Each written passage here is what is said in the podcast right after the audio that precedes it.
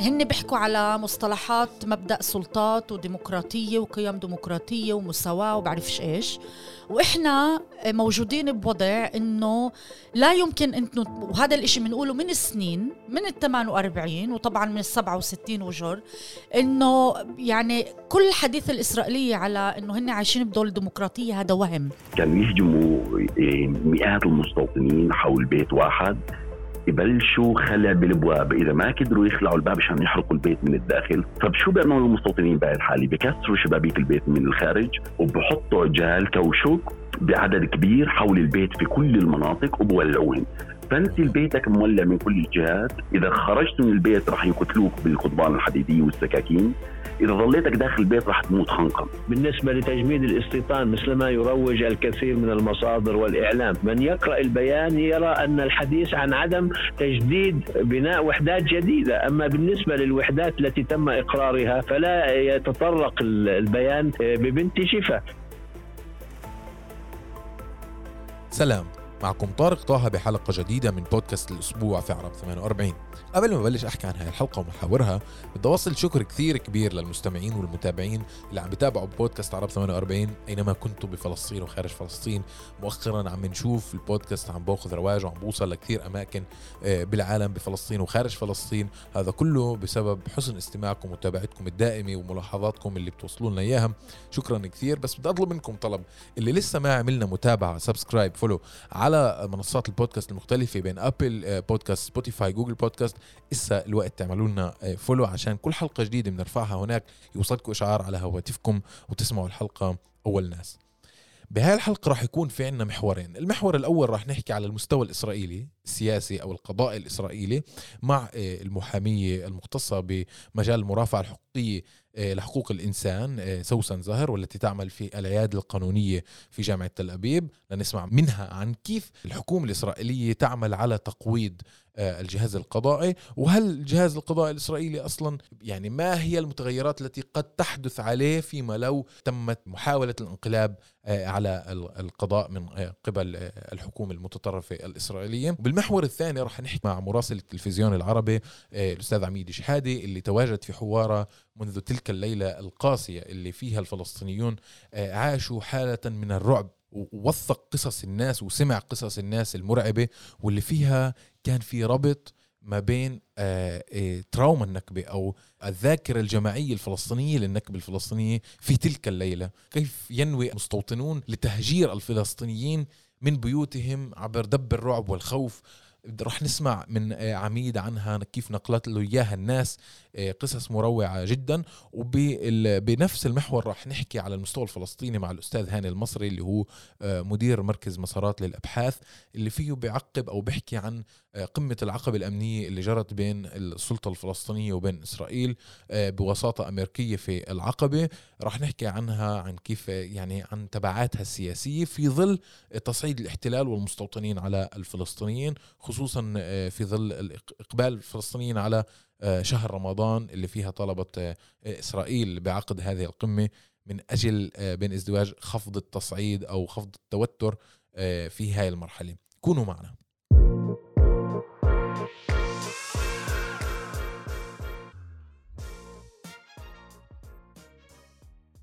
من ما خلصت الانتخابات ال 25 وتشكلت الحكومة الإسرائيلية وهي المعارضة وإسرائيل عامة عم بتعيش. أزمة يمكن أن نوصفها كيف هن شايفينها بالخوف من المجهول. من خلال محاولات إضعاف القضاء تشريع الفساد التضييق على الفلسطينيين توسيع الاستيطان التنكيل بالأسرة كلها محاولات جارية عبر تشريعات قانونية. وعشان نحكي عنها أكثر كل تفصيل بتفصيل وكل نقطة بنقطتها راح تكون معي المحامية سوسن زاهر اللي بتعمل بمجال المرافعة القانونية بمجال حقوق الإنسان وتعمل في العيادة القانونية لحقوق الإنسان في جامعة تل أبيب. مرحبا سوسن. أهلا فيك طارق. يعطيك العافية. شكرا كتير وأنت كمان. شكرا على وقتك على هاي يعني على هاي الفرصة للحديث معك في ظل هاي الحالة السياسية القانونية. حالة عدم الاستقرار اللي إحنا فيها عم نعمل سلسلة إيه لا نوضح مع المستمعين اللي عم بيسمعونا خصوصا بوتيرة وبشكل كبير من العالم العربي إيه نوضح لهم شو عم بيصير داخل إسرائيل إيه سياسيا وقانونيا واجتماعيا واقتصاديا وكل مرة عم نكون نحكي عن المجال من من جانب. والمرة بدنا نحكي معك قضائيا. شو اللي عم بيصير بإسرائيل؟ بالبداية شو كيف أنت عم تشوف الصورة؟ شو اللي عم بيصير هناك؟ آه، أول شيء يسلموا كتير طارق آه، على هاي الفرصة. بفكر إنه الموضوع نفسه له أهمية كتير كبيرة لأنه في كتير تلخبط كمان بالموضوع وعدم فهم آه، للتفاصيل التفاصيل تبع الموضوع. ومهم هون إنه أبلش بالشرح أو التفصيل على من ناحية إيش عم بيصير بأرض الواقع من منظور إسرائيلي بحت ومن ناحية تانية كيف الفلسطينية كمان إحنا المواطنين الفلسطينيين أو حتى المواطنين بالأراضي المحتلة بيشوفوا الموضوع لأنه في زي انفصام عمليا برؤية الوضع القانوني السياسي القائم. آه زي ما أنت ذكرت آه، بعد ما بعد انتخابات الكنيسة ال 25 تشكلت حكومة نتنياهو ال 37 آه من بعد ما انعملت وصلوا لاتفاقيات آه، آه، آه، بالائتلافية مع أكثر أحزاب اليمين تطرفا وتعصبا اللي هن حزب بقيادة بتسليل سموتريتش وحزب تاني بقيادة إيتامار بنكفير اللي هن معروفين بآرائهن المتطرفة وحتى معروفين بأنه هن تابعين لحزب مائر كهانا المتطرف عمليا. المتعصب جدا ضد الفلسطينيين اللي انقتل باوائل كمان السنة سنوات الثمانينات واللي أخرج كمان كحزب في حينه آه، أخرج من إطار القانون وعمليا أعلن كحزب غير قانوني من قبل دولة إسرائيل نفسها. هاي كانت بالسنوات أوائل سنوات الثمانينات. فإحنا عم نحكي على رجعة لحزب كهانة بس بشخصيات تانية بأسم تاني بمنظور تاني ولكن حتى بتطرف تاني. خلال تلاميذه. بالضبط. فاللي صار إنه بعد ما يعني تشكلت الحكومة بآخر شهر 12 2022 مر أقل من أسبوع وطلع وزير القضاء اللي هو تعين من قبل من حزب نتنياهو من حزب الليكود وياريف لافين وصرح إنه بده يبلش يمرق آه، آه، تغييرات أو إصلاحات بالجهاز القضائي. شوي شوي آه، بلش ينكشف إنه الإصلاحات هي مش إصلاحات وإنما صارت تسمى بثورة. صاروا حتى يسموها بالإنقلاب بالجهاز القضائي. الهدف تبع هاي الإنقلاب أو الإصلاح مش مش مهم إحنا كعرب طبعا كيف بنسميها خلينا نقول حاليا خطة ليفين الهدف من خطة ليفين هاي يعمل تغييرات جذرية بدور المحكمة العليا الإسرائيلية. آه، اللي هي عمليا تستهدف آه، مبدأ جدا رئيسي بدوله ديمقراطية بأي دولة ديمقراطية اللي هو مبدأ فصل السلطات. المفروض إنه بكل دولة ديمقراطية ليبرالية عادية يكون في استقلالية للمحكمة العليا أو المحاكم الدستورية حتى تقدر إنها تبت النظر بأمور اللي هي آه، بتتعلق بالتماسات ضد السلطات ضد البرلمان ضد الحكومة. والتعيين تبع هاي القضاة المفروض إنه يؤخذ بشكل بشكل كمان طبعا مستقل. هاي الخطة بتستهدف أولا فيها عدة مركبات.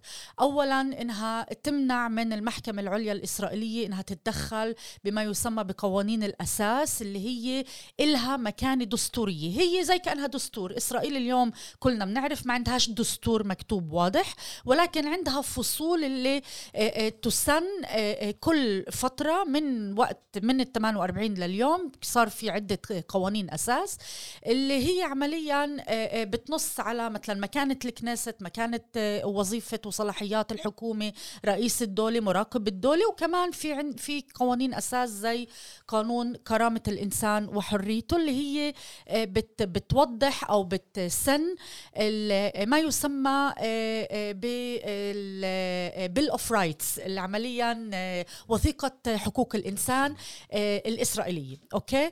فهذا القانون كرامة الإنسان وحريته سن في 1992 أعطى صلاحية للمحكمة العليا إنها تتدخل بقوانين. إيش يعني تتدخل؟ تيجي تقول إنه قانون هو باطل بحالات معينة.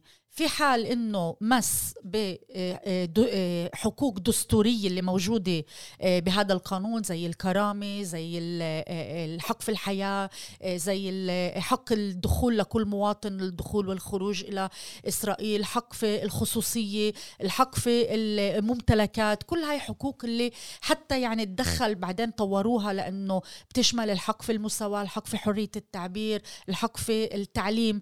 آه، ففي حال قانون اللي صادق عليه البرلمان بمس بهاي الحقوق المفروض إنه يكون في له معايير خاصة للمحكمه تبت فيها. وبنهاية المطاف تقول إنه إذا هاي إذا هذا المس هو آه، آه، غير نسبي وغير لائق معناته إلها صلاحية إنه تبطل القانون. آه، بالرغم من هاي الصلاحية من 92 لحد اليوم آه، وبالرغم من مئات الالتماسات اللي تقدمت ضد قوانين آه، اللي هي بتمس بحقوق الإنسان المحكمة العليا تدخلت وأبطلت 22 قانون فقط. بشكل عام جزء منها يعني مش شرط عم بحكي على الإسرائيلية اللي على اللي بتتعلق بالحقوق المجتمع العام الإسرائيلي. يعني هي كلها ممكن تتعلق بالحريديم اللي هن المتدينين اليهود ممكن تتعلق بالفلسطينية بال 48 أو بال 67 يعني إنه بشكل عام أبطلت 22 اليوم واحد من مركبات خطة ليفين إنه يحط حد لتدخل آه، المحكمة العليا. بإدعاء إنها عم تتدخل أكثر من اللازم بإدعاء إنها عم تتدخل بعمل أو بقرار الأغلبية اللي انتخب اللي انتخب بالانتخابات للبرلمان. ومش بس هيك إنه حتى لو أبطلت بأغلبية عالية اللي هاي هي المحاولة إنه إذا بدهن يبطلوا لازم يكون 15 قاضي أو 13 قاضي. يعني إنهن يصعبوا عليهن عمليا إنهن يوصلوا لأغلبية معينة بالمحكمة. فحتى لو وصلوا لهي الأغلبية بعد مش واضح على فكرة قد إيه لاننا عم بتداولوا على هذا الموضوع إنه تقدر الكنيسة تتغلب ومن هون أجت كلمة كمان فقرة التغلب. هاي كمان جزء مركب تاني ومهم بخطة ليفين إنه بدهن يمرقوا فقرة التغلب اللي اليوم جزء منها اليوم آه، بشكل خاص كمان بده يمرق أو يناقش في الكنيسة. وفقرة التغلب بتقول إنه تنزاد فقرة لقانون أساس الجهاز القضائي اللي بعطي إمكانية أو الكنيسة اسفه اللي بعطي إمكانية إنه آه، آه، الكنيسه تتعاود تبطل آه، قرار العليا. فعمليا شو؟ تفضل. سوسن هيك سؤال بدي افتح قوس سريع. إنه تقنيا فيما لو أجت حكومة قادمة بعدين قررت إنها تلغي ما تم ما صنعته الحكومة الحالية اليوم. فيما لو تمت هاي الخطة كلياتها على كل أشكالها.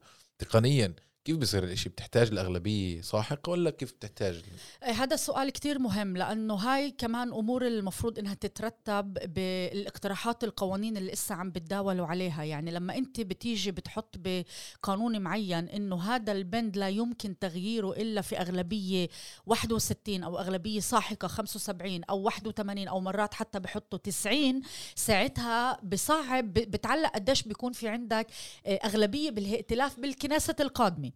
okay؟ فهذا كتير بتعلق إيش النص اللي راح يكون. إيه ولابد إنه يعني في آه محاولات لأنه الكل بيعرف أو في ادعاء إنه okay بمرقوا هاي التغييرات حسب الخطة. والكنيسة الجاي إذا تغيرت الحكومة. بس المشكلة مش هون. المشكلة إنه إيه المركبات الإضافية بهاي الخطة رح تصعب أصلا إنه يتغير الائتلاف بالكنيسة القادمة وعم محاولات تبعت هاي الخطة إنه تعطي آه، تخلي الأغلبية لحكومة نتنياهو كمان في الانتخابات القادمة. فبالتالي بصير وضع ثابت إنه مش رح يكون في تغيير. نتنياهو رح يكون عمليا نتيجة لهاي الخطة مثبت الأغلبية تاعته الساحقة لسنين آه، عديدة. بالذات لما المركبات الثالث يعني الثانية تبعت تبعت هاي الخطة هو إنه بده يغير طريقة تعيين القضاة بطريقة إنه يكون أكثر أغلبية للائتلاف الحكومي للسياسيين. فبالتالي هذا بيقول إنه القضاة رح يتعينوا من قبل السياسيين مش من قبل مهنيين. فعشان هيك رح يحطوا القضاة اللي هن بدهن إياهن اللي ما يتدخلوا بأي قرار سياسي أو قانوني. تغيير تاني اللي يمكن يبطلوا قوانين أساس اللي موجودة اليوم زي قانون الكرامة. يبطلوا كمان إمكانية التدخل بقوانين الأساس الأساس اللي اليوم موجود واللي المحكمة من أصله يعني ما بتستعمل آه، صلاحياتها بشكل آه، بشكل آه، يعني انتنسيف بهذا الموضوع. فعم نحكي قاعدين مش بالصدفة الإسرائيلية بسموا الخطة هاي انقلاب أو ثورة. لأنه الثورة الأولى اللي كانت هي ثورة 92 لما صدق على قانون كرامة الإنسان وحريته وأعطي للمحكمة صلاحية بشكل واضح تتدخل بالقوانين. واليوم الثورة هي ثورة على الثورة. ثورة إنه بدنا نبطل. بس في يعني إذا بدي أجي أحكي كمحامية في في دولة إسرائيل وعارفة القوانين والقضاء أنا بقول لك إنه يعني في شتى ما ما بيقدروا يجوا يوصفوا إنه هاي ثورة على الثورة ويبطلوا يقولوا تدخل زيادة أكثر من اللازم. لأنه اللي صار ب 92 إنه قانون الأساس عرف شو هي الحقوق. أعطى إمكانية لإنه البني آدم المواطن أو غير مواطن يعرف شو هي حقوقه الدستورية اللي الدولة ممنوع تمس فيها.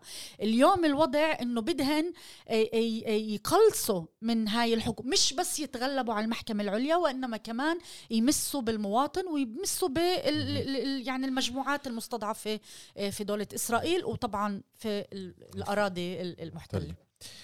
إيه طيب سوسن نعرف إنه بفترة آه، هارون باراك لما كان رئيس المحكمة العليا يعني سمي مثل ما حكيت قبل شوي إنه قائد ثورة ما ثورة دستورية ما. اليوم بيجي يريف ليفين أو خطة يريف ليفين ب يعني بقيادة الليكود وبقيادة حكومة نتنياهو. بتقترح كمان مشروع تغيير جوهري لصلاحيات المحكمة العليا. كمان تغيير. فأنا اللي بدي أفهمه من وجهة نظر المعترضين إسرائيليا على هاي الخطة شو اللي مزعجهن يعني؟ لطالما يعني شو اللي بزعجهن؟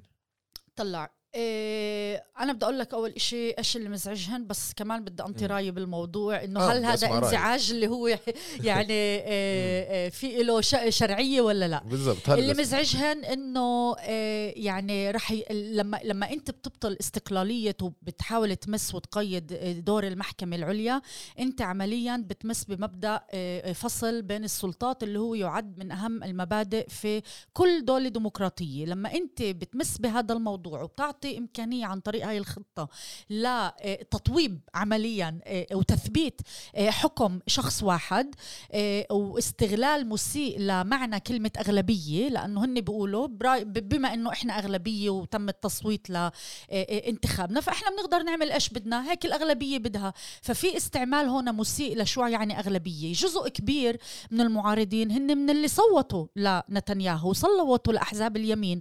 وجزء منهم بيقول إنه إحنا ما كان كان قصدنا إحنا مزبوط آرائنا يمينية ولكن إحنا وجايين من معسكر اليمين ومنوافق على كثير من الأمور السياسية آه، آه، آه، لحكومة نتنياهو ولكن إحنا ما فكرنا إنه هذا الإشي رح يأثر على ال ال البنية. البنية الأساسية لدولة ديمقراطية. وبنشوف إنه في كثير طبعا تحذيرات إنه تغيير البنية الديمقراطية الرسمية طبعا كيف الإسرائيلية بيشوفوها رح تأثر تأثر على الاقتصاد رح تأثر على مش بس على كل موضوع البنية الديمقراطية وإنما على الاقتصاد على الاستثمارات بإسرائيل على حقوق الإنسان على حقوق المستضعفين. آه، طبعا هن بيقولوا كمان إنه رح يأثر على المواطنين العرب وعلى المثليين الجنسية مثليين الجنس وعلى الأثيوبية وعلى اللاجئين وعلى الطالبين آه، اللجوء بإسرائيل وعلى كل المجموعات.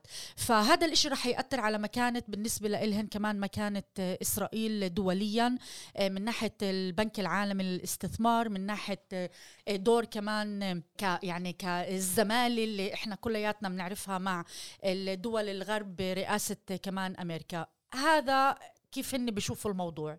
ولكن أنا بفكر إنه الموضوع فيه عمى معين فيه عمى لأنه هن ما ما كانوا شايفين الموضوع من المنظور تبعنا ك ك كعرب كعرب كفلسطينيين.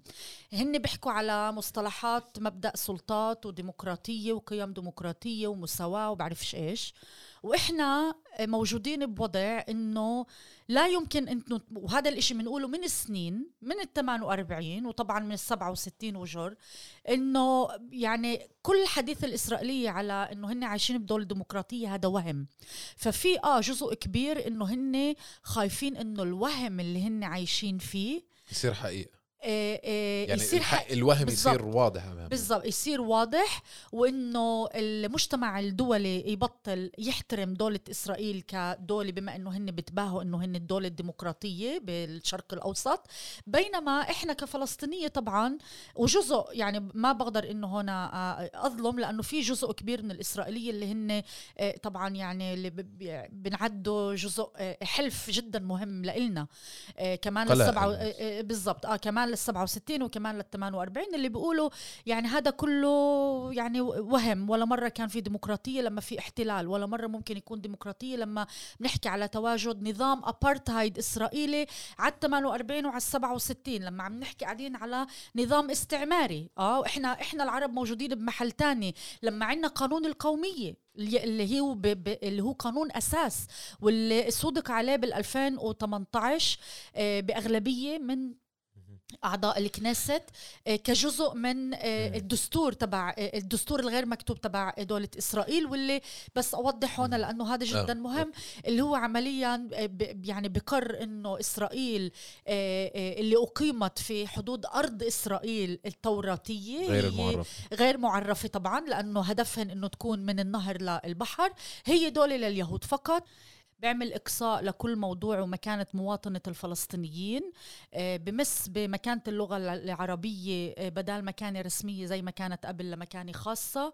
بعطي شرعنة دستورية عمليا للتمييز بعطي شرعنة دستورية للفوقية الإثنية لليهود وبالتالي بمكن تمييز بكل مجالات الحياة ضد العرب. وعلى رأسهن طبعا إقامة بلدات ومستوطنات لليهود. فلما هذا القانون كان موجود بال 2018 هذا أعطى شرعية للخطوة اللي عم بتكون اليوم. إنه إحنا اليمين إحنا اللي بنقرر هاي الدولة تبعتنا إحنا أصحاب الأرض إحنا أصحاب هذا الادعاء تبعهن وإحنا بنقدر نعمل اللي إحنا بدنا إياه. طيب يعني بدي أحاول أحط آه، طرفين كفتين الميزان تبعت آه، قضاة إسرائيل أو قيادة إسرائيل السياسية من اليمين لليسار. اهرون باراك يعني يعد على اليسار. أو هيك اسرائيليا ينظر له طبعا. آه، وكان يعتبر إنه قائد ليبرالي للثورة الدستورية وحقوق بمجال حقوق الإنسان وإلى آخره. بس اهرون باراك بعد تشريع قانون القومية مثلا كان في له تصريح وعدة تصريحات لاحقا بس تصريح أولي ب- بهرتسليه بمؤتمر ببنت حمية حكى إنه آه، إسرائيل هي الوطن القومي للشعب اليهودي وليس للعربي، العرب لديهم دول أخرى. يعني أهرون باراك يتفق مضمونا مع العلويه اليهوديه، مع الاستعلاء اليهودي على أرض إسرائيل. ويعني هذا اللي بحاول أتساءله دائما أنا. شو جاي يطرح فرق واضح وجوهري اليمين الحالي عن ما طرحه أو ما يفكر فيه أهرون باراك؟ طلع. أول إشي اهرون باراك مزبوط من عد ليبرالي وعنده قرارات آه، آه، لما كان رئيس المحكمة وحتى قبل ما يكون رئيس المحكمة اللي هي قرارات جدا جدا مهمة. ولكن وليبرالية صحيح. ولكن مش هذا هو المعيار كيف تفحص أنت ليبرالية قاضي. الليبرالية والت... وال... وال... والتحفظية هي مش مصطلحات اللي إحنا بنفحصها كفلسطينيين بقرارات المحكمة العليا. وإنما بنشوف قديش عمليا القاضي كان آه، أقر آه، أو صادق على آه، آه، قوانين آه، أو آه، سياسات أو قرارات الجيش الإسرائيلي اللي هي بتمس بالفلسطينيين بالذات بالأراضي الفلسطينية المحتلة. فلما بناخذ أغلبية قرارات آه، أهرون باراك بنشوف إنه أهرون باراك كان يمين كتير أكتر من قضاة تانيين. أو, أو ساهم عمليا بعدم تدخل أو برفض تدخل من قبل المحكمة العليا برئاسته بقضايا كتير اللي هي بتتعلق بانتهاك حقوق الفلسطينيين بالأراضي المحتلة. ما فيش ولا أي شك. يعني السؤال اللي أنت بتطرحه هو من ناحية مهم بس هو يعني ال- المضمون هو كالتالي. إنه كلياتهم بيعرفوا إنه دولة إسرائيل وهذا تصريح ولا واحد رح يتراجع عنه. آه، يمكن في شي ثلاث أربع أشخاص يهود اللي بفكروا إنه فعلا عن جد ممكن إنه تكون دولة لكل مواطنيها ومساواة ما تكونش عمليا دولة معرفة للشعب اليهودي بس إن يمكن هدول ثلاثة أربعة أو ماكسيموم خمسة. الأغلبية الساحقة بتآمن إنه طبعا هاي دولة لليهود فقط. ولكن الفرق بين إنه يكون عندك قانون قومية اللي بنص بشكل واضح بمكانة دستورية إنه في عندك شرعنة للفوقية الإثنية ال Jewish supremacy. هذا بيقول من ناحية قانونية إنه في عندك اعتراف واضح إنه إحنا دولة أبارتايد ياتو مكتوب بالدستور. فطول ما الإشي موجود بال, بال يعني بنصوص قانونية ما إلها مكانة دستورية أو بنصوص قوانين عادية هذا موضوع تاني. بس مهم كمان كتير لكل القضاة ولعدة الحقوقيين في الإسرائيليين إنه هاي الأمور ما تكتب بقوانين ما تكتب بالقوانين الأساس اللي لها مكانه دستورية لأنه دائما بتطلعوا على كيف المجتمع الدولي بده يشوفنا وإيش بده يصير في حالة وصل الحديث عن كل هاي القوانين أمام المحكمة الجنايات الدولية لأنه تفرقة إثنية هي تنعد بحالات معينة حسب تعريف القانون الدولي بالأساس معاهدة روما كجريمة حرب. فإذا بدهن يخلوا هاي التعريفات بإطار قانون هن كانوا عارفين إنه بنفعش يكونوا مجتمع يعني دوليا وحتى من ناحية قانون دولي إنه يقولوا عن حالهم ديمقراطية ومن ناحية تانية الدستور تبعهن الغير مكتوب بيقول إنه هاي دولة اللي هي بتقدس مبدأ الفوقية الإثنية زي كيف كان وقت الأبارتهايد بجنوب أفريقيا يقدسوا مبدأ الفوقية ال ال ال ال الإثنية العرقية بالأساس وعشان هيك كان يتسمى عمليا كان كان أساس للأبارتهايد. شفت هيك تعليقات على يعني الفيسبوك مرات بتفوت بتشوف على وسائل الإعلام الإسرائيلية كيف الناس اليهود عم بيقرأوا وبيعلقوا على الحالة العامه شفت حدا من المعترضين على كل على فكرة الانقلاب على القضاء بيحكي إنه هناك أشياء آه، يعني تفعل ولا تقال بمعنى إنه فبس شفت هذا هذا الرد باي بأي سياق؟ بسياق إنه الاعتراض على مثلا كان في تصريح آه، يعني إنه لازم يتم تشريع مثلا آه، قانون إعدام الفلسطينيين. مم. فكان في حدا يهودي معترض على التصريح الفظ والواضح بإنه هاي الاشياء تفعل ولا تقال مش بحاجة نقولها بنفع نعملها. فهذا بجيبني لمحل إنه في خط مشترك وبخليهم يعني يختلفوا على كيف يقدموه بالزبط. كيف يفعلوه. بالضبط زي زي التناقض آه، بالنسبة لسؤالك لأهرون باراك آه يعني بالآخر هن كلياتهم موافقين على نفس الخط. وكمان يعني كل موضوع فكرة يعني أنت عم تحكي في الاقتراح القانوني اللي عم بتذكره اليوم هو آه، إعدام حكم إعدام لمنفذي عمليات اللي أدوا لقتل يهود. هذا هذا اللي مفهوم من النص لقتل يهود مستوطنين بالأساس في الضفة بطريقة اللي يعني نحط بصيغة اللي لا يس يعني ما يكونش في سريان مفعول على المستوطنين. في الضفة وأنا بس على الفلسطينيين بالضفة اللي قتلوا مستوطنين.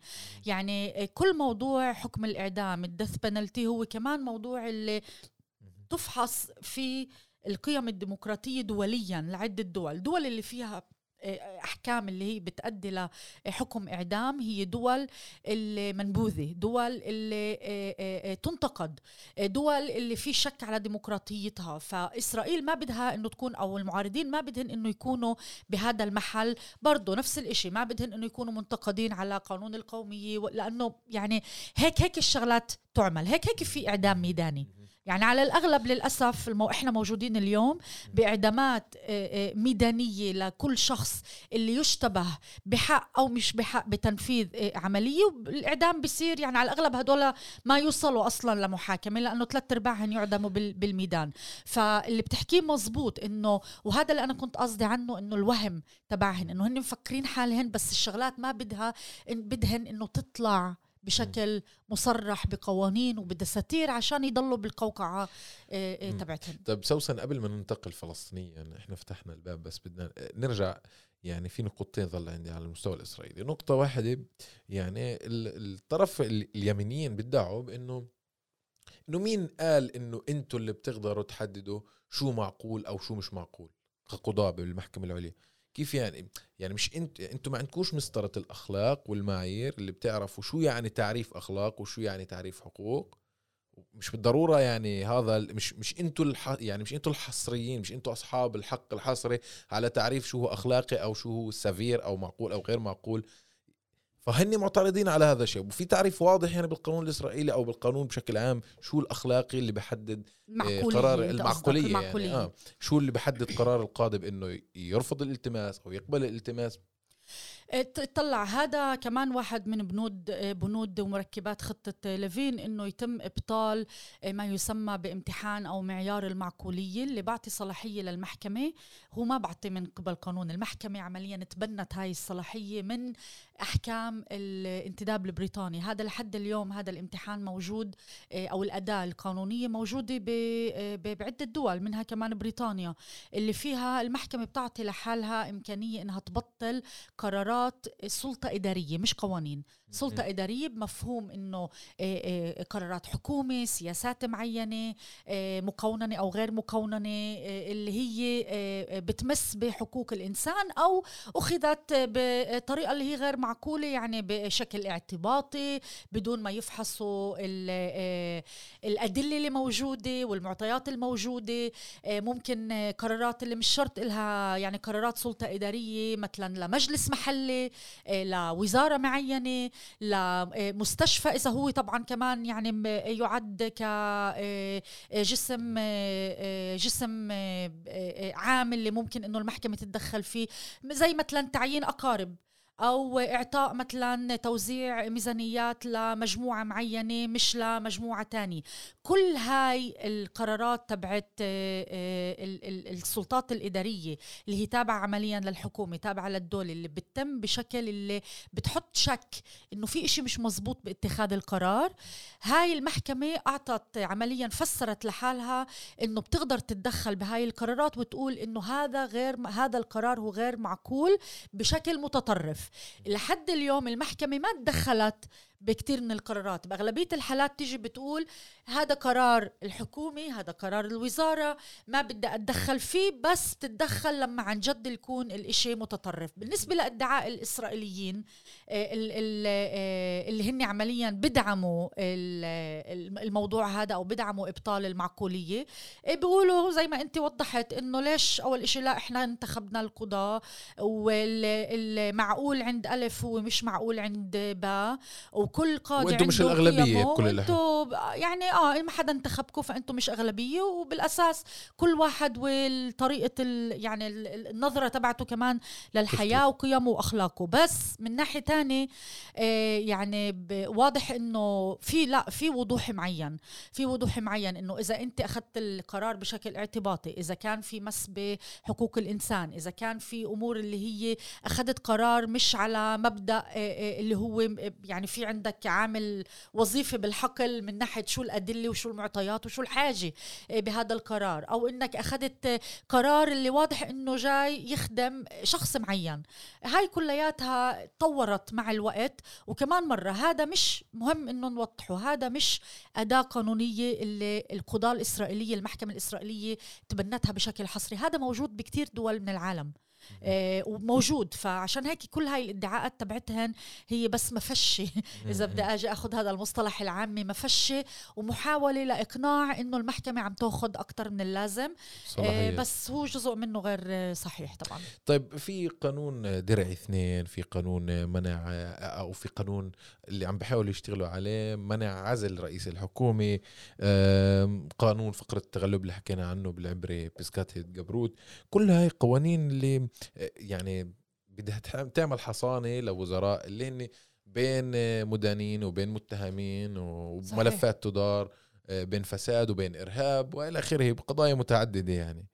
إيه، فإحنا كيف ممكن نقرأ إنه هل الديمقراطية كمان ممكن تكون محتوية للفساد؟ يعني هل الديمقراطية بالضرورة يعني ممكن تحتوي الفساد بحجة إنها الأغلبية؟ آه، لا طبعا الجواب واضح إنه لا ولكن بفكرش إنه في آه، يعني كمان مرة إحنا يعني إحنا كعرب آه، ولا مرة بنحكي ولا مرة كنا يعني اعترفنا لأنه شايفين بالنسبة لنا بشكل واضح إنه إسرائيل ولا مرة كانت ديمقراطية لما في احتلال وفي تفرقة وفي ابارتهايد وفي جرائم حرب وكل يعني ما إحنا بنعرف الوضعية. بس بالنسبة لإلهن باللحظة اللي المحكمة العليا قبل سنتين يعني الموضوع ما بلش اليوم. الموضوع بلش بال 2019 لما آه، آه، نتنياهو آه، أو بال 2020 آسفة لما نتنياهو انتخب في هذاك ال- الحين وتم تقديم التماس ضد إعطائه الصلاحية إنه يبني حكومة لأنه بنفس هذيك الفترة تقدم ضده لوائح اتهام المحكمة كانت بعد يعني بأمور تانية بقضايا أخرى بسنين سابقة كانت آه تتدخل وتقول إنه تعيين وزير اللي اللي مقدم ضده لائحة اتهام وفي محاكمة على مخالفات آه، جنائيه آه، آه، بالذات رشوات آه، هو تعيين غير آه، يعني غير قانوني. ولكن بال 2020 لما تقدم هذا ال- آه، الالتماس ضد نتنياهو بالرغم من وجود لائحة اتهام آه، ضده. آه، المحكمة آه، أقرت أنه هذا قراراتها السابقة لا تسري على رئيس الحكومة وفي فرق بين رئيس الحكومة وبين وزير. ولكن شرطت الموضوع بالتزام نتنياهو أنه ما يتدخل بأي نوع من تغيير بالجهاز القضائي. أوكي؟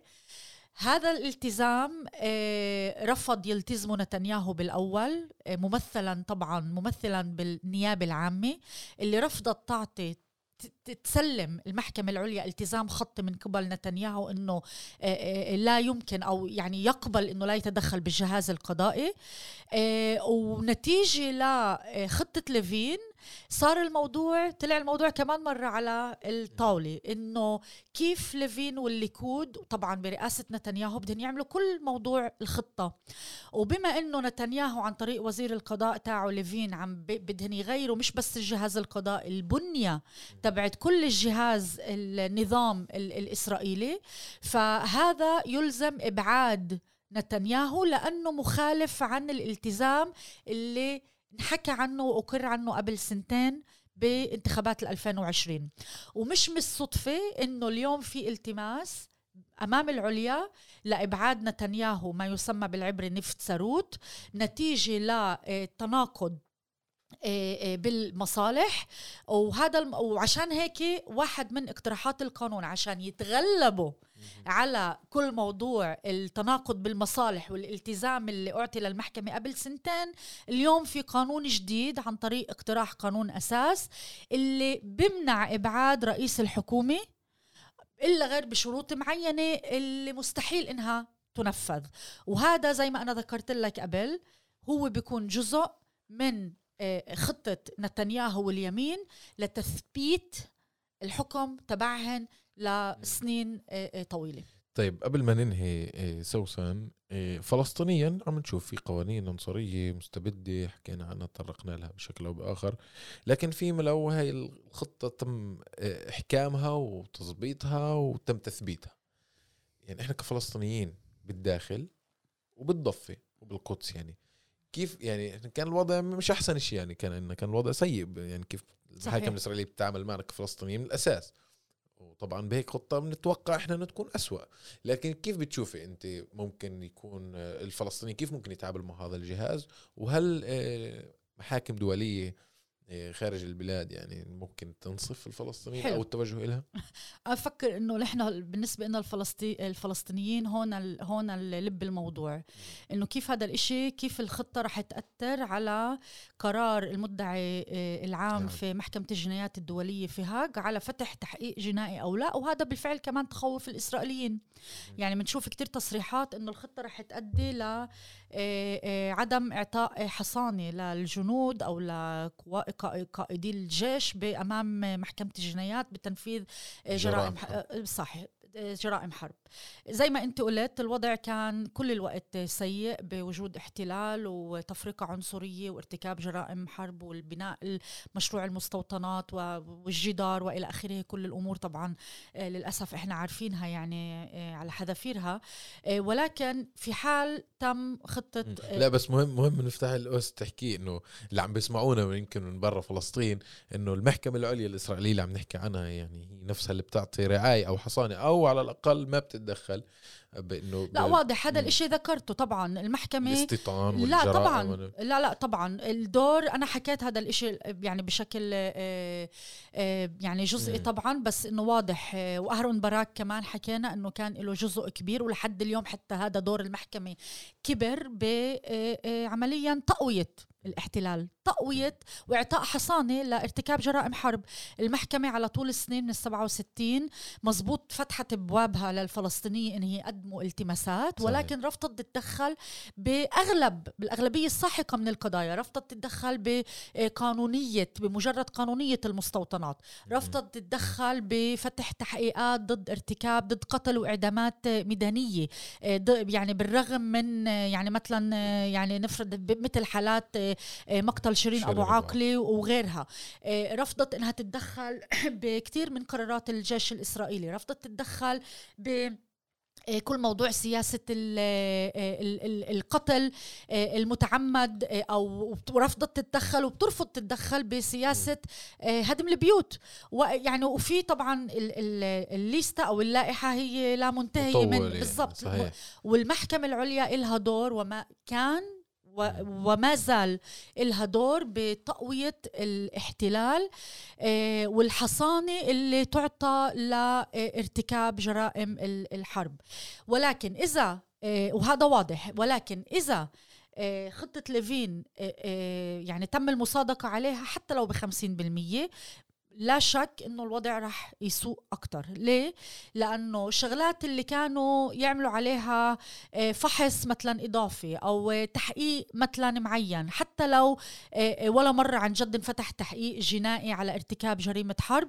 ولكن هذا معناه زي اللي شفناه مثلا بحوارة إنه يكون في وضعية اللي كلهن بالذات المستوطنين أو الوزراء عارفين ومتأكدين إنه في حصانة تامة مش المفروض إنهم يروحوا بإجراءات حتى معينة حتى يفحصوا إذا يهدموا بيت ولا آه، آه، آه، يقوموا بإعدام ميداني ولا يعملوا عملية تفتيش وإلى آخره. بالنسبة لهم هذا بطل في حاجة حتى لأوامر بطل في حاجة لإجراءات معينة. على المحل بيروحوا بيعملوا زي ما بالضبط آه، بالضبط بالضبط. يعني بدها تصير فوشطة قايمة وقيامة بالذات لما هن عارفين إنه عندهن ظهر. هذا الظهر بيقول إنه إيش ما أنتم بتعملوا بتقدروا تقتلوا الفلسطينيين بشكل يحاكم. فيش حدا يحاكم في حصانة تامة. وفي كمان آه، بط بيكون ببطل في تأثير لقرارات المحكمة حتى لو بدها تتدخل. لما المحكمة بتكون آه، آه، ما بتقدر إنها تتدخل أو آه، بيكون في عندك واضح إنه بيكون في عندك قضاة اللي هن معينين من قبل. واليوم بالنسبة لنا نفس الإشي لأنه كل الوقت القضاة الصهاينة بالمحكمة هن ما كانوا منصفين للقضية الفلسطينية.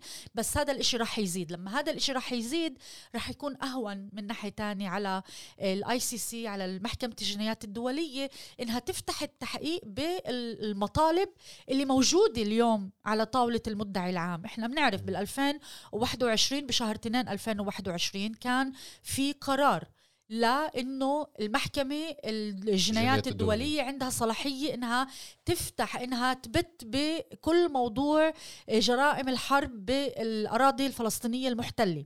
لما إسرائيل حاولت إنها آه، تت يعني تت تعارض هذا الإشي آه، بكل الطرق.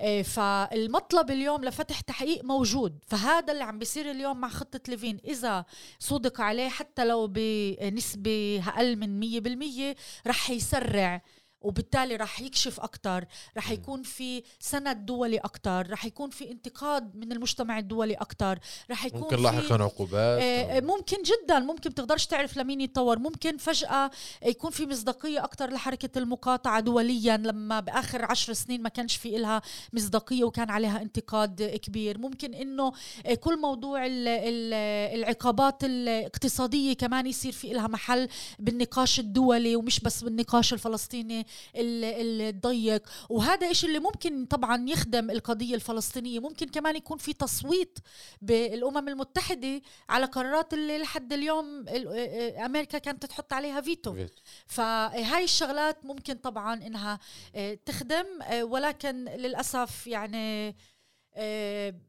يعني ال- الوضع مش مش مطمئن للأسف. طيب آه، سوسن إحنا لاحقا ممكن يعني نستضيفك ونحكي عن شو ممكن محكمة الجينات الجنايات الدولية يكون عندها صلاحيات شو ممكن تعمل شو صلاحياتها كيف ممكن تفرض قراراتها على دول معينة أو على منظمات ما صحيح. هذا حوار صح. آخر وعن جد موسع ومعك. راح يكون مطول ومشوق شكرا, آه، شكراً المحامية سوسن زهر العاملة في مجال المرافعة آه، القانونية بمجال حقوق الإنسان والتي تعمل في العيادة القانونية آه، في جامعة آه، تل أبيب. شكرا كثير سوسن. شكرا طارق وللمستمعين كمان. يعطيكم العافية. يعطيك العافية.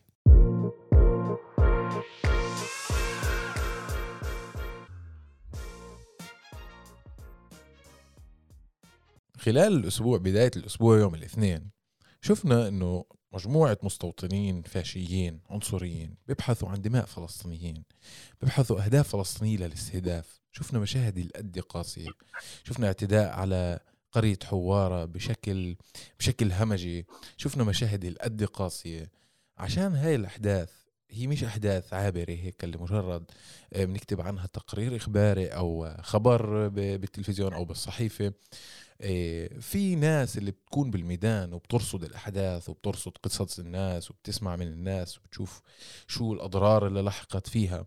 عشان نسمع عن حوارة وعن اللي صار فيها آه، نتيجة اعتداء المستوطنين اللي راح فيه ومئات الإصابات وبيوت احترقت عشرات البيوت ومئة سيارة وممتلكات عامة. آه بدنا نسمع أكثر آه عن هذا عن هاي الليلة أو عن هذا اليوم اللي هو كان يوم الاثنين بداية الأسبوع هذا من مراسل التلفزيون العربي آه، الأستاذ عميد شحادة. مرحبا عميد. مرحبا فيك. يعطيك العافية. أنت كنت في حوارة صحيح؟ صحيح أنا كنت في حوارة وتابعت الأحداث من يوم الاثنين لغاية اليوم حتى هي الأحداث كانت من يوم الاثنين واستمرت حتى لغاية هذا اليوم. إيه هيك أنت أول ما وصلت أو ما وصل النبأ الأول بعمليات الاعتداء على الفلسطينيين بحوارة توجهت لهناك و... وهيك وصف لنا المشهد الأولي اللي شفته بالبلد. طارق شوف أول ما سمعت بالخبر شفت الصور صور فيديوهات بتعرف كيف الواحد بيحدد شكل التغطية شوي هيك من بعيد بس في موضوع حواره بالذات لما شفنا النار طالعه من البيوت. والأهالي وصراخ الأطفال والكبار بالسن أول شغلة حاولت لما بدي أوصل حواره كان هذا الموضوع يوم الأحد بالليل فعشان أقدر أوصل لهي البلد احتجت إنه قدرت أدخلها فقط الساعة 9 يوم الاثنين الصبح. أول ما دخلت البلد ال... كان لسه بقايا النار والدخنه وال... وحتى ال- ال- الرماد كان لسه على إيدين الأطفال. ف فعليا القصص الصحفية والقصص التلفزيونية ما ما ما فيك تحكي كل شيء فيها بس أنت بتشوف كل شيء وبتسمع كل شيء. أول ما دخلت على هاي البلد كان في طفلة جنب بيتها اللي انحرق. فلما شافتني حامل المايك وبسأل بالناس هيك هي نزلت علي يعني بتحكي لي بتحكي لي شو القصة اللي صارت. فبتحكي لي صارت تحكي بالتدريج إنه إحنا كنا في البيت واجت أمي شالتنا كلنا وحطتنا بالحمام نتخبى بالحمام بس نسيت أمها تأخذ أخوها اللي كان في غرفة مجاورة. والبيت مليان دخنة. فكان بالنسبة لهم مشكلة كبيرة إنه كيف بدهم يجيبوا الولد اللي ضايل في غرفة مجاورة. نسيوه. فهي بتحكي لي انه وهي بتشرح لي في هاي الأمور كيف إنه تخبوا بالحمام وعشان الحمام شباك الحمام صغير ما الدخن ممكن ما تدخل منه. و... ولما ستها راحت تجيب بتقول لي ما بعرفش ليش ستي راحت تجيب بصل. تعرف كيف نحن الفلسطينيين لما بيكون في أحداث ودخان وغاز مسيل للدموع ما, ما مش كل الناس معهم كمامه يحطوها يعني الحدث صار مفاجئ. فستة راح تجيب بصل كونه أساس إنه تحط على أنفهم بصل وما ينخنقوا ويموتوا من الدخان ومن إلغاز المسيل للدموع. كانت هاي واحدة من من القصص ال- المؤلمة للطفل بطريقة حوارها بطريقة حديثها عن هاي الأمور. طبعا صعب نصور الطفل بتحكي يعني أخلاقيا ما, راح تصور بس أنت بتسمع الرواية. مم. فكانت هاي واحدة من الروايات اللي اللي كثير صعبة أنت بتطلع على طفل ايديها لسه الرماد عليهم وجهها لسه غسلته وحتى اواعيها ما زال الرماد عليهم وبتسأل إنه ليش ست راحت تجيب بصل. ف... فمستغرب ليش ست راحت تجيب بصل. هو يعني إحنا الفلسطينيين مثل ما حكيت بكل حدث فيه دخان ونار فبنجيب بصل مباشرة يعني كأداة وقاية يعني اللي ممكن إحنا نتحصن طب هي عشان عشان حتى بإطلاق الغاز المسيل للدموع دائما بيستخدموا البصل عشان يحموا حالهم أو يحطوا البصل على أنفهم ويحموا حالهم. فالطفله ما بتعرف إنه ليش ليش البصل يعني هي استغربت إنه ليش تركتهم بالحمام وراحت تجيب بصل بس فعليا هاي واحدة من العائلات طارق اللي نجت. أنا لما دخلت البيت وشفت طريقة النار اللي مولعة في البيت كيف كانت تتم الأمور هي فعليا. كانوا يهجموا إيه، مئات المستوطنين حول بيت واحد. يبلشوا خلع بالابواب. إذا ما قدروا يخلعوا الباب عشان يحرقوا البيت من الداخل طبعا بوجود أهل البيت فيه. داخل البيت. إذا قدروا يهربوا طبعا فالناس يهجموا يصيروا يشدوا بالباب ويحطوا كنبايات ويحطوا خزائن ورا الباب أساس المستوطنين ما يقدروا يدخلوا. فشو بيعملوا المستوطنين بهذه الحاله؟ بكسروا شبابيك البيت من الخارج وبحطوا عجال كوشك بعدد كبير حول البيت في كل المناطق وبولعوهن.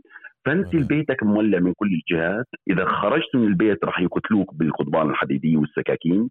إذا ظليتك داخل البيت راح تموت خنقا فعليا يعني أنا طول فترة التغطية بحوارة في الثلاث أيام الماضية كنت بطلع وبحكي يعني كيف الناس نجت من هذا الموضوع كله. أنت بتعرف دخان الإطارات المطاطيه إحنا بنغطي في الشوارع إحنا متعودين على هذا الشيء بس يمكن أتحمل غاز المسيل للدموع. بس استحالة إنك تقدر تشم إطارات مطاطيه الدخنه تاعتها وتضلك بوعيك أصلا. فكانوا الناس محاوطة البيت من كل الجهات. أنت بتحكي يعني الإطارات المطاطيه أهم شيء بحطوها على الباب أساس ما حدا يخرج. تكسير الشبابيك من كل الجهات. أكثر ناس تضرروا هم اللي كانوا في الطوابق الأولى من البيوت. هذول يعني أنت بتحكي عن 300 إصابة في حوارة كانوا في الطوابق الأولى اللي كان لما بيكسروا شباك البيت أي تسلل لدخنه الإطارات المطاطيه كان صعب معالجتها إلا إنه الأهالي كانوا بيطولوا الحرامات اللي بتغطوا فيهن والحافات يصيروا يبلوهن بمي ويلفوا حالهم فيهن يحطون على أنفهم ويلفوا حالهم أساس ما يقدر ما يشموا الريحة ويغمى عليهم. استمرت هاي الأمور هاي الأمور استمرت آه، لساعات فعليا هناك. والقصص القصص نفسها اللي بيحكوها الناس في في ست عمرها 65 سنة اسمها نوال ضميضي بأول ما دخلنا حواره حكوا لنا هذا البيت إيه، المستوطنين حاولوا خلع الباب فيه. هو البيت بسكر على إيه، center lock كهرباء. فلما ولعوا العجال على باب البيت الناس والعالم ما انتبهوا إنه في بيت ما انفتح ما حدا خرج منه. طلع داخل البيت في ست اسمها نوال ضميضي على أول مدخل حوارة معها ست صبايا موجودين داخل البيت مش عارفين يفتحوا البيت من الداخل واستمروا محاصرين لمدة ثلاث أيام داخل البيت. صحيح. اتصلوا على ابنهم الموجود في دبي. حكوا له البيت ولع ما في عندنا حدا ومش قادرين نفتح الباب. وبرنوا على الدفاع المدني والشركة الكهرباء ما حدا قادر يوصلهم في البداية. بعدين فصلت الاتصالات معهم. الشيء الغريب اللي صار إنه ابنهم فعليا وصل من دبي على حوارة؟ قبل ما يقدروا يطلعوا إمه والستات الموجودة داخل البيت. آه قبل ما يقدروا يطلعوا. وصل من دبي على حوارة ولسه البيت مغلق. ولا شفته أنا هذا الشخص؟ كان بيحكي بيبكي وبيحكي بحرقة. بقول لي أول ما اتصلوا فيه وفصلوا الخط حكوا لي تحاصرنا في البيت وولعوا البيت علينا. فهو فكر إنه صار معهم لما فصل الخط صار معهم شيء كبير بيحكي لي وهو في دبي في عمله صار يضرب رأسه بالحيط إنه شو بده يعمل. ففورا حجز طيران ورجع على فلسطين رجع على حواره ليكي أمه لسه في البيت محاصرة مش قادرين يطلعوا. فهو اللي دل الناس حكى لهم اني أمي جوا. بعدين لما حاولوا يفتحوا الباب اللي مغلق بال center lock لما ولعوا الكوشك على على الباب اللي هو فعليا يفتح على الكهرباء ويغلق على الكهرباء ولعت الأسلاك بطل في مجال إنه ينفتح. هاي الأبواب كثير صعب فتحها. محكمة جدا. فصار ابنها راح جاب سلة وحبل وصار يرمي الحبل على البيت. إمه تتناول الحبل ويطلع الأكل والمي. لحين ما وصلوا بقية الناس وبلشوا فعليا ضرب في الباب وقدروا يفتحوا الباب ويخلعوا الباب ويدخلوا. العائله كانت متعافية بالآخر. العائلة كانت آه متعافية جوا في الداخل كانوا متخبيين في منطقة لأنهم موجودين هم في طابق ثاني. تم حرق إيه، محيط البيت حاول المستوطنون يخلعوا الباب ويدخلوا تم حرق محيط البيت. لما ولعت الأسلاك وولعت الأسلاك الموجودة على الباب ما قدروا يخرجوا من البيت حتى بعد ما راح المستوطنين وصار الفلسطينيين بالشوارع ما قدروا يخرجوا من البيت. والحجم سماعها خفيف يعني مش قادر تتواصل مع الناس أو تحكي وفصلت الاتصالات عنها مع إنه جيش الاحتلال فصل الإنترنت فعليا عن عن المنطقة بعد هجمة المستوطنين. هي القصص صارت اللي اللي بتسمعها عن الناس كانوا بيحاولوا بيحاولوا بس على الأقل يطلوا من شباك بيتهم يشوفوا النار وين وصلت في البيت بدهم يعملوا معاينة. في صبية وإحنا ماشيين في الشارع كانت بتحكي لي إنه كان عندها مشكلة كبيرة إنه إذا فتحت الشباك راح تنخنك وإذا ما فتحته ما راح تعرف وين صارت صارت النار في بيتها. وبالتالي كان شوف الهم السؤال العظيم اللي كان بهذيك الليلة إنك بتحكي عن مئات المستوطنين ملثمين وكلهم بيحملوا نار وسكاكين ومنهم مسلحين بيكونوا في محيط بيتك والدنيا ليل وبيضوا ليزر على البيت ونار مولعة ودخنة وصياح. فأنت فعليا هون يعني الروايات اللي بيحكوا لنا إياها يعني الصبيه بتحكي لي إنه أكبر مشكلة كانت إنه أنا شو أسوي باللحظات الأخيرة يعني. بتعرف عميد وأنت عمال تحكي يعني هاي هاي بترجعنا كلنا آه، نس يعني نستعيد مشاهد من النكبة أجدادنا حكوا حكوا لنا إياها اللي فيها عصابات المستوطنين وعصابات الجيش آه، في حينه العصابات الإرهابية كيف اقتحمت قرى معينة. وارتكبت مجازر حرفيا. حرقت بيوت أطلقت مدافع ثقيلة على البيوت أضرمت النيران بالحقول اغتصبت نساء قتلت رجال أعدمت أطفال مشاهد شبيهة. لكن يعني كمية الأضرار المادية هي الموازي والمساوي لما كان في مثلا في اقتحامات القرى أيام النكبة مثلا. لكن الأضرار يعني والحمد لله أنه أضرار بشرية كان في شهيد طبعا ومئات الإصابات. لكن ما كان يعني يعني ما وصلناش لأعداد ضحايا آه، كبير جدا. فإحنا بنقدر نقول إنه هاي المشاهد لاحقا لازم كفلسطينيين نأخذها بعين الاعتبار كيف نعمل حصانة جماعية لقرانا لبلداتنا آه، كلجان هل في تحركات من أهل حوارة ومن قرى مجاورة لكيف يصنعوا نظام رقابه ذاتيه نظام آه، حصانة ذاتية؟ سمعت هيك إشي من الناس؟ فعليا طارق المشاهد اللي كانت موجودة في حوارة السبب الوحيد اللي ما خلى الناس من من قسوة هذه المشاهد إنهم يهربوا من القرية إنه الفلسطينيين مجربين. يعني الفلسطينيين عارفين الهروب أكثر من مرة من الموت عارفين الهروب من النار أكثر من مرة والتهجير. بس هدف المستوطنين في هذيك الليلة بحسب ما أعلن إيه، نائب رئيس مجلس مستوطنات شمال الضفة وأيدوه أعضاء بالكنيسة الوزراء إنه يجب محو حوار من الوجود. فالهجمة أصلا لهذول المستوطنين المتطرفين هم فعليا مجموعات إرهابية كبيرة وأعداد كبيرة. أنت لما بتشوف طريقة هجومهم إنه مش قصة إنه هو بده يحرق بيته وكذا لا لا بده يهجر بده يهجم يحرق البيت يقتل اطفال يقتل النساء إنه اطلعوا إيه ارحلوا. لساتهم بهاي العقلية عقلية اللي صار أيام النكبه 48 إنه أنا بقدر أهجم على قرية وأهجر اهلها وأسيطر عليها. هاي العقلية موجودة فعليا عند المستوطنين في الضفة الغربية يمكن ما حدا بيحكي هذا الحكي أو ما حدا بينقله. بس الشهادات على أرض الواقع بتحكي هيك. واللي ما خلى الناس يتركوا بيوتهم إنه الفلسطينيين ما بدهم يعني انتهوا من مرحلة إنك أنت ممكن تترك بيتك وتهجر حتى لو كانت النار بدها تاكلك هذا هاي الحقيقة. في حوارة والقرى المجاورة لما بلشوا الهجوم المستوطنين حاولوا يدافعوا. أنا شفت كثير ناس حكوا لي يعني أنا سألتهم أنتم شو عملتوا؟ فعليا كثير شباب حاولوا الهجوم على المستوطنين إنه بدهم لأنك يعني في حدا من من داخل بيت اسمه عمار حكى لي أنا شفت البيت مولع على أطفالي أنا جاي من نابلس وشفت البيت مولع ما فيها يعني اولادك بدهم يموتوا بدك تغامر فهو بمغامرته هجم باتجاه 100 مستوطن اللي كانوا موجودين منتشرين حول البيت وبالساحة. إلا إنه في هجومه يعني الجيش الاحتلال اللي واقف يرعى المستوطنين كان واقف لصد أي هجوم بالأيدي من الفلسطينيين على المستوطنين. فقط ما وقف جيش الاحتلال في هذيك المنطقة من المستوطن يحرق. وقف عشان إذا المست... إذا الفلسطيني كان عنده ردة فعل يقطع أيده. هذا اللي صار. فهذا الشخص بيحكي لي أنا نزلت لما اجى من جهة نابلس لقي بيته مولع غامر ونزل بطريق وعريه ووصل لعند البيت و100 مستوطن محاصرين بيته. فهو حكى لي إنه حمل احجار وهاجم إلا إنهم فعليا قدروا يضربوه سكاكين في صدره وفي ظهره وكانوا بطريقة يعني سمى لي طريقة التشطيب شطبوا جسمه فعليا. فهمت شو؟ يعني طريقة تعذيب إنه هو آه فجيش الاحتلال هجم عليه وضرب عليه قنبلة غاز. حكى له ادخل داخل البيت حكى له البيت مولع إنه وين ادخل داخل البيت؟ دخلوه على البيت. ما تطلع من البيت. دخلوه على داخل البيت والنار كلها محيطه في البيت. فبحكي لي شطبوني يعني هاي الكلمة اللي استخدموها الفلسطينيين هون لما حدا يضربهم سكاكين بحكي لي تعمدوا يعني كانوا بيضربوا فيه شفرات بصدري وبظهر بظهري. وفعليا يعني كان صدره وظهره كله مضروب شفرات كانوا بيتعمدوا إنه تشويه جسمه لأنه فعليا حاول يدافع عن نفسه.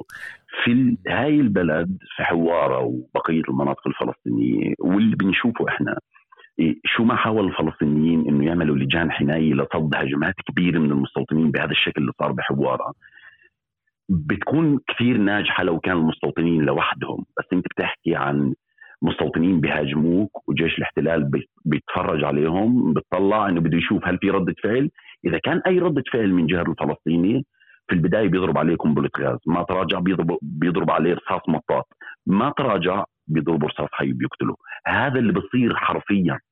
فأنت لجان الحماية تاعتك اللي بدها إيه، تدافع عن البلد بطريقة صد هجوم جماعي بهجوم آخر جماعي طريقة دفاع جماعية ويصير بتضطر إنه يكون اشتباك بالأيدي بينك وبين المستوطنين إلا إنه هذا الشيء صعب بوجود جيش الاحتلال صعب إنك أنت تنزل على مجموعة كبيرة بمجموعة كمان مسلحة كبيرة. يعني مش مسلحة ولو حتى كان إيه، العدد كبير منهم مسلحين حتى اللي مش مسلحين انت ما بتقدر تصدهم. حتى المسلح بسكينة ما بتقدر تنزل مقابله بحجر وترد وتصده لأنه جيش الاحتلال واقف لك. يعني إذا ضربته حجر أنا شفت في حوارة حتى بعد انتهاء الهجوم الكبير اللي سموه هناك أهل البلد إنه ليلة حرق حوارة سموها.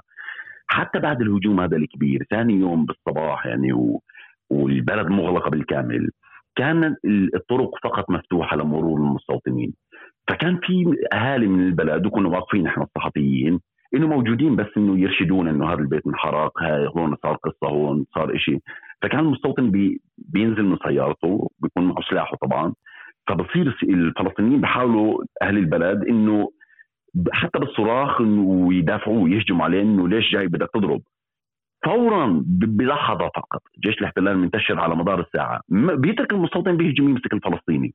بيمسكه بيرميه بالجيب إنك أنت رديت أو صديت.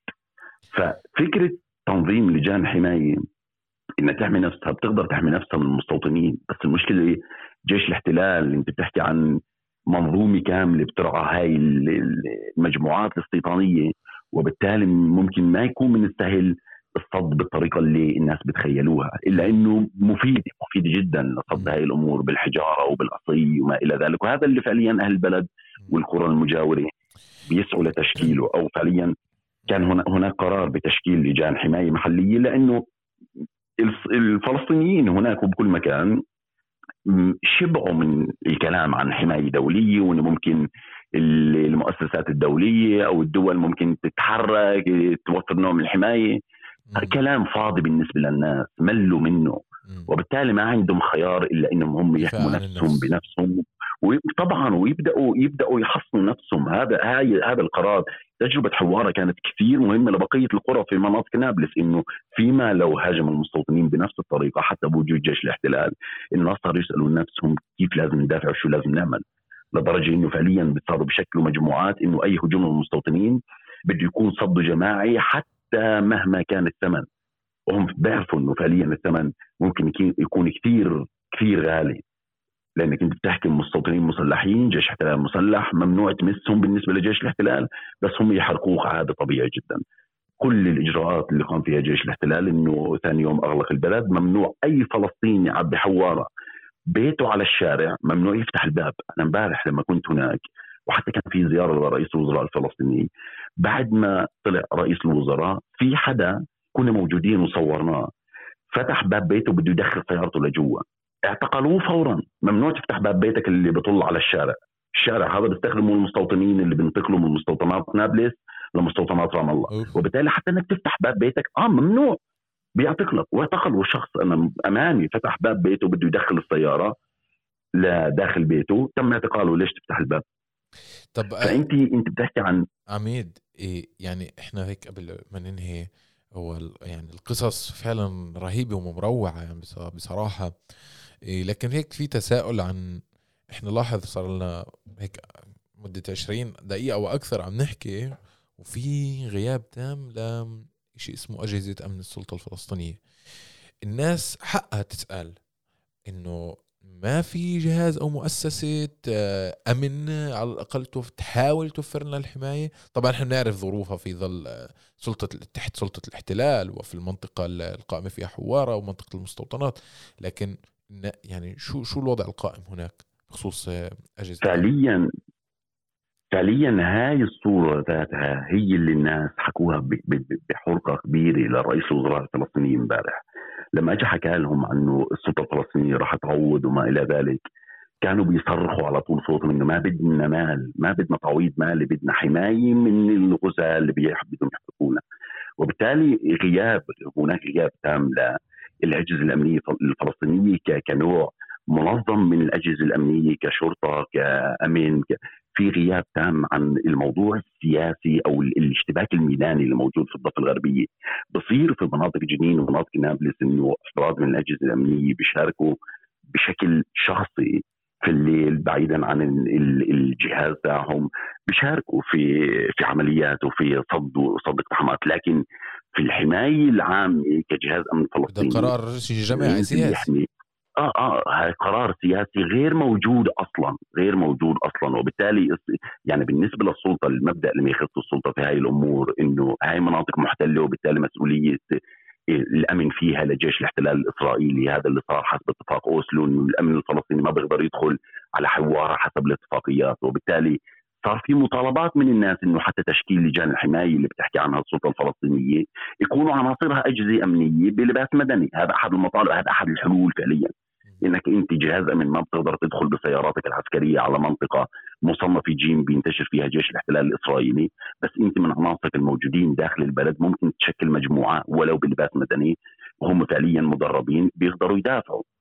هذا المطلب اللي كان فعليا بحوار وهذا المطلب اللي كان من الناس، إحنا بنحكي عن مناطق جدا حساسة ومعقدة. وبالتالي الاتفاقيات اللي صارت بين السلطة والمنظمه التحرير والحكومة الإسرائيلية لما رجعت السلطة على البلد بال 93 إنه في هاي المناطق المصنفه جيم الإدارة يعني المسؤولية الأمنية والمدنية فيها كلها لجيش الاحتلال الإسرائيلي. وبالتالي السلطة بتعول بتعول إنه جيش الاحتلال هو المسؤول عن الامن هون بحسب القانون الدولي. وهذا الحكي فعليا موجود بالقانون الدولي إنه أي جيش احتلال موجود في مكان معين هو مسؤول عن حماية المدنيين في هذا المكان. بس لما أنت بتحكي جيش الاحتلال ما بيحمي المدنيين هو بيسهل الهجوم عليهم. ما كان في رد فعل من السلطة باتجاه آخر إنه فعليا جيش الاحتلال ما بوفر الحماية لأولادنا اللي موجودين في الضفة الغربية. وبالتالي هل في خطوة أخرى؟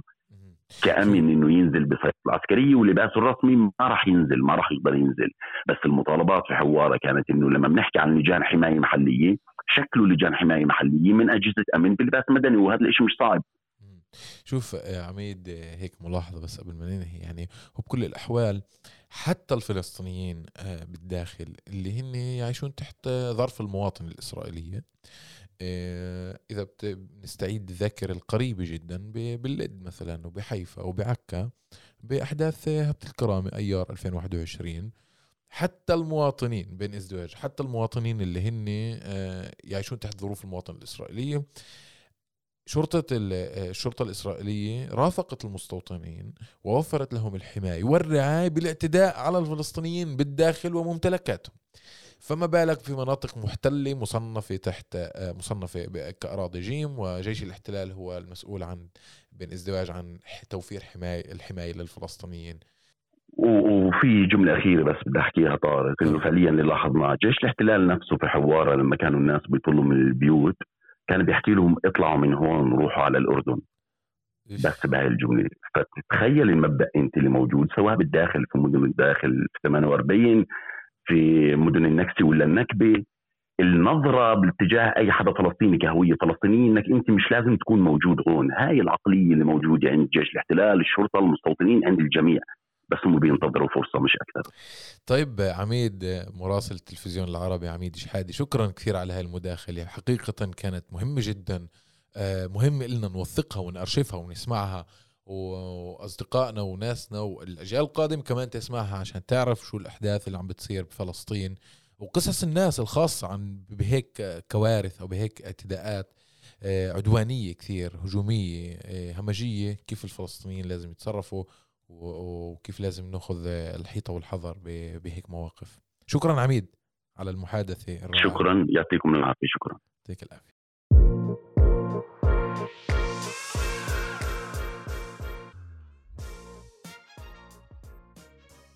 شفنا مؤخرا إنه بالضفه الغربية آه، الاحتلال عمال بيستبيح بفوت على مناطق اللي خط المناطق اللي بيستبيح الناس وحرمة الناس وشهداء ودماء واعتقالات.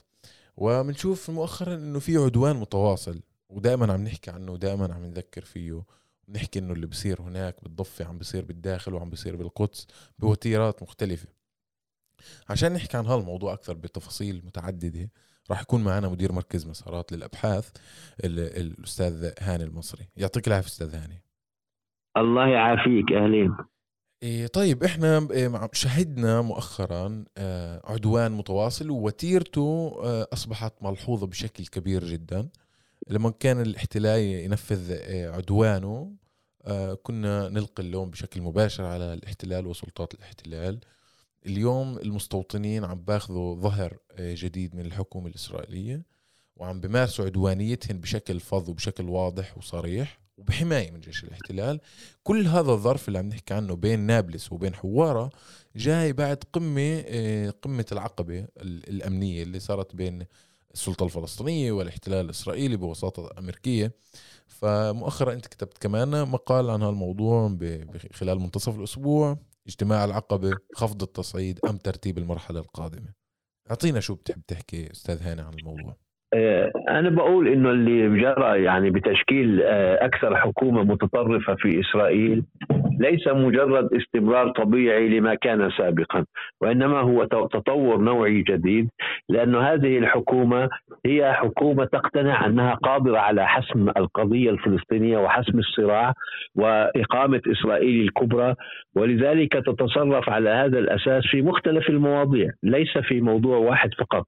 لاحظ ماذا يجري بالنسبة للأسرى القوانين العنصرية ماذا يجري في حول مكانة الأقصى ماذا يجري في المناطق المصنفة سيم والتي تشكل أكثر من 60% من مساحة الضفة الغربية ما يجري بالنسبة لتعليمات إطلاق النار على الفلسطينيين حيث أصبحت أسهل آه، وبالتالي القيام بالقتل آه، آه، بدم بارد وأمام عدسات التلفزيون إلى حد أن هناك هجوم من قطعان المستوطنين على المنازل وعلى البيوت وعلى الأغنام وعلى كل شيء وبمساعدة من أفراد الجيش الاحتلال حيث شهدت يعني بعض المناطق مساعدة مباشرة وليس فقط يعني حماية ورعاية وإنما كان هناك مساعدة من بعض الجنود للمستوطنين في اعتداءاتهم. إذا الموضوع مش موضوع مجرد آه، تطرف هنا أو حدث هنا موضوع في آه، آه، وضع سياسي جديد. هذه الحكومة تحاول أن تحسم الصراع.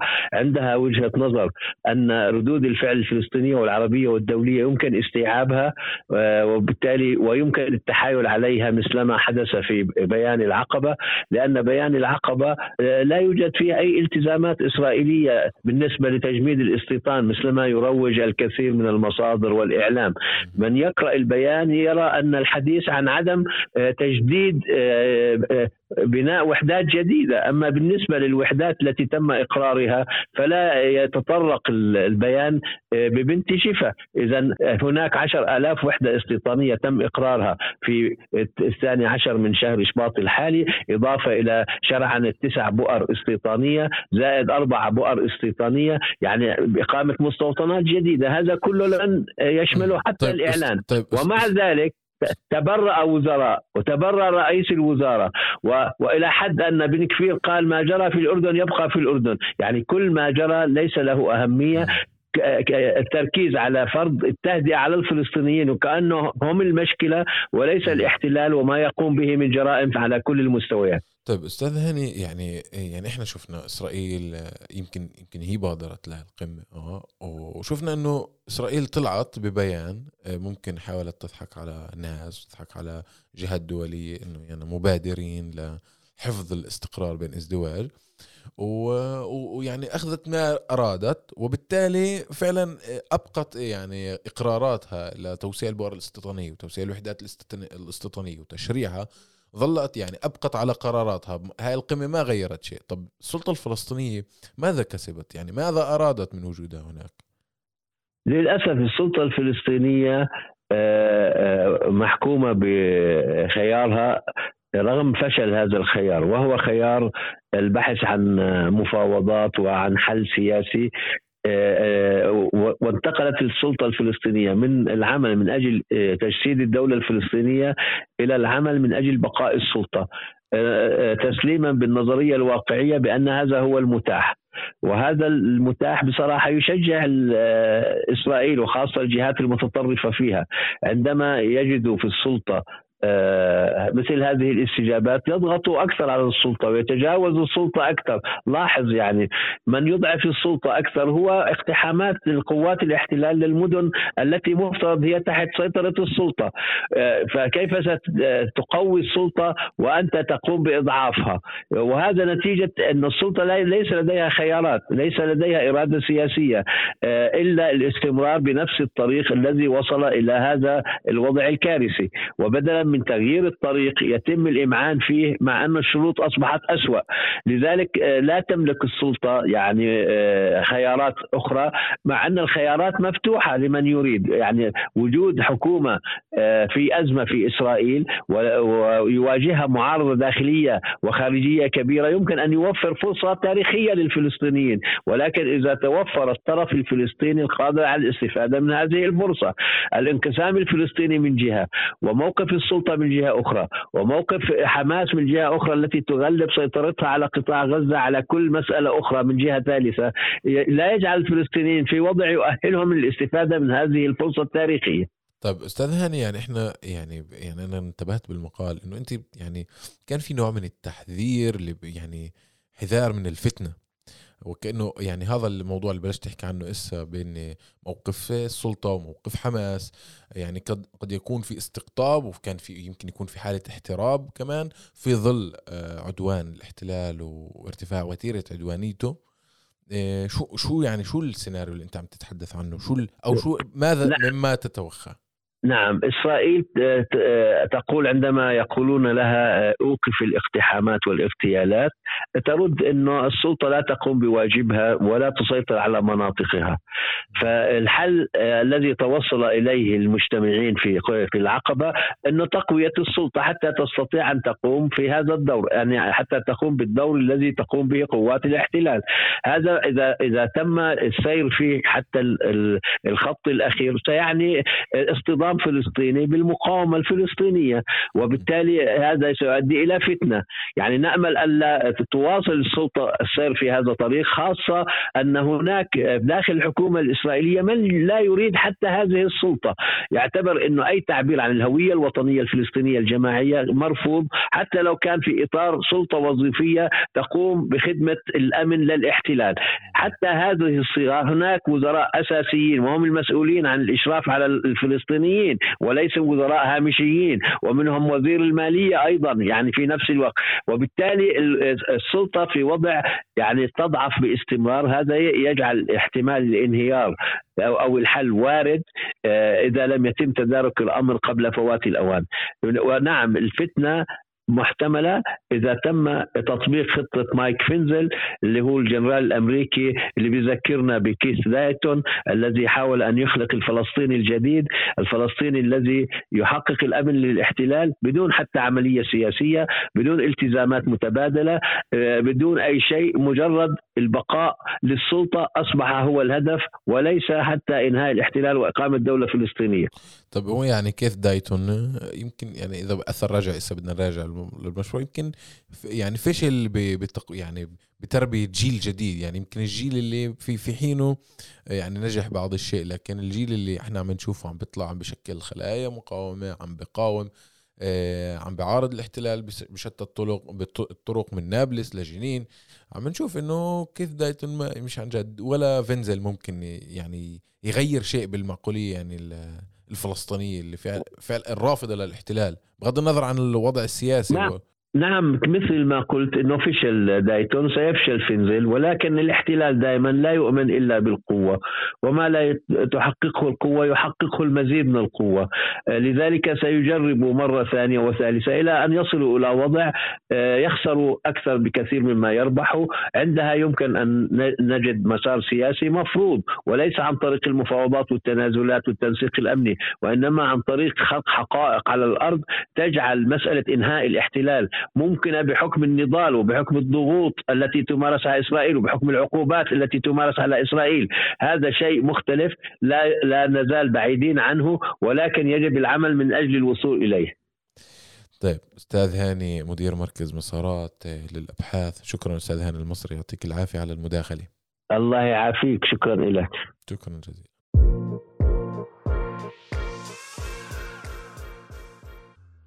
طيب أعزائنا المستمعين هيك بنكون وصلنا لنهاية حلقتنا من بودكاست الأسبوع في عرب 48 بدي أطلب منكم طلب اللي لسه ما عملناش متابعة على منصات البودكاست المختلفة سبوتيفاي جوجل بودكاست ابل بودكاست تنسوش تعملوا لنا متابعة اسا اعملوا لنا متابعة كثير بيساعدنا تنسوش تبعثوا لنا مقترحاتكم وملاحظاتكم على الحلقات السابقه وعلى مقترحات لحلقات قادمة. وللاسبوع القادم لقاء آخر. يعطيكم العافية.